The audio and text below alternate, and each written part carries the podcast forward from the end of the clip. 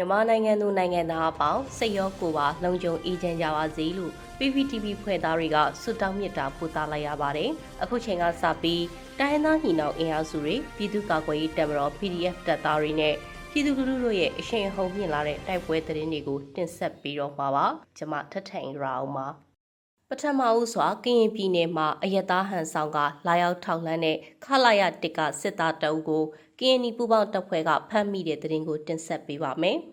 ။ကရင်နီအမျိုးသားများကာကွယ်ရေးတပ်ရိုက်ကော်ဇွန် KNDF တပ်ရင်းနှင့်လှုပ်ရှားနေမြေအတွင်းကိုအယက်သားပြည်သူဟန်ဆောင်ကလာရောက်ထောက်လှမ်းတဲ့အကြမ်းဖက်စစ်တပ်ရဲ့တပ်မ66လောက်ခန့်ခလာရတစ်ကတပ်သားတအုပ်ကိုကရင်နီပူပေါင်းတပ်ဖွဲ့ကဖမ်းဆီးရမိကြောင်းသတင်းရရှိပါရယ်။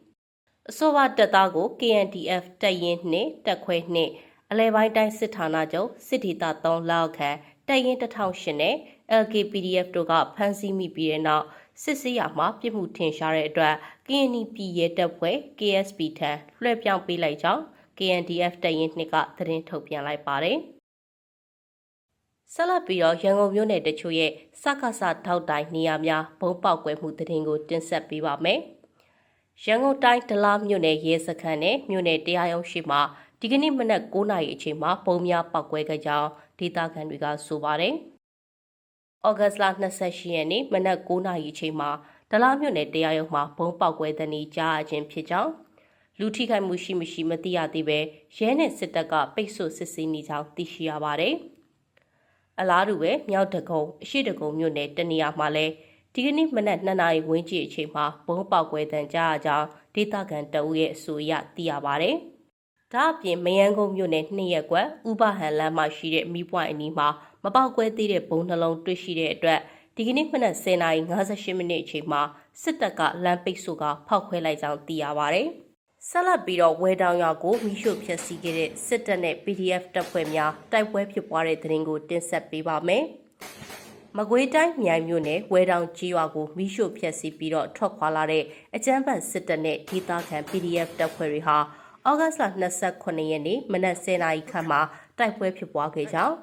God or မြိုင် People Defense Force ထံကနေပြီးတော့သိရပါတယ်။အဆိုပါထိတွေ့တိုက်ပွဲဟာဝဲတောင်ရွာနီးဖြစ်ပွားခဲ့တာဖြစ်ပြီးတော့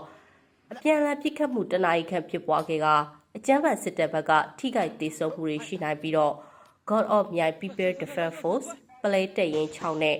Seven Star တပ်ဖွဲ့တွေကပူးပေါင်းတိုက်ခိုက်ခဲ့ပြီးအထိခိုက်မရှိပြန်လည်ဆုတ်ခွာနိုင်ခဲ့ကြောင်းသိရပါတယ်။ခုနောက်ဆုံးအနေနဲ့စကိုင်းတိုင်းကျောင်းလစစ်တပ်စစ်ကြောင်းမိုင်းဆွဲတိုက်ခိုက်ခဲ့ရပြီးတော့9ဦးသေဆုံးနေဆိုတဲ့သတင်းကိုတင်ဆက်ပေးပါမယ်။စကိုင်းတိုင်းကျောင်းလမြို့နယ်ဆယ်နောက်ဖက်ချမ်းမှာရှိတဲ့ညောင်မင်းရွာကထွက်လာတဲ့အကြမ်းဖက်စစ်တပ်စစ်ကြောင်းကရှေ့ပြေးဖွဲ့ကို UG ဖွဲ့ကနေပြီးတော့ဩဂတ်စ်လ29ရက်နေ့မနက်7:20မိနစ်ခန့်မှာမိုင်းဆွဲတိုက်ခိုက်ခဲ့ပြီးစစ်သား9ဦးသေဆုံးခဲ့ကြောင်းနယ်မြေကန်သတင်းရင်းမြစ်တွေထံကသိရပါဗျ။အကြမ်းဖက်စစ်တပ်စစ်ကြောင်းဟာခမာယအမှတ်361နဲ့369ကစစ်သားတွေဖြစ်ကြပြီးတော့ပေပင်ချောင်ရွာတုတ်တန်အနီးမှာ UG ဖွဲ့ကနေမိုင်းဆွဲတိုက်ခိုက်ခဲ့ခြင်းဖြစ်ကြောင်းသိရပါဗျ။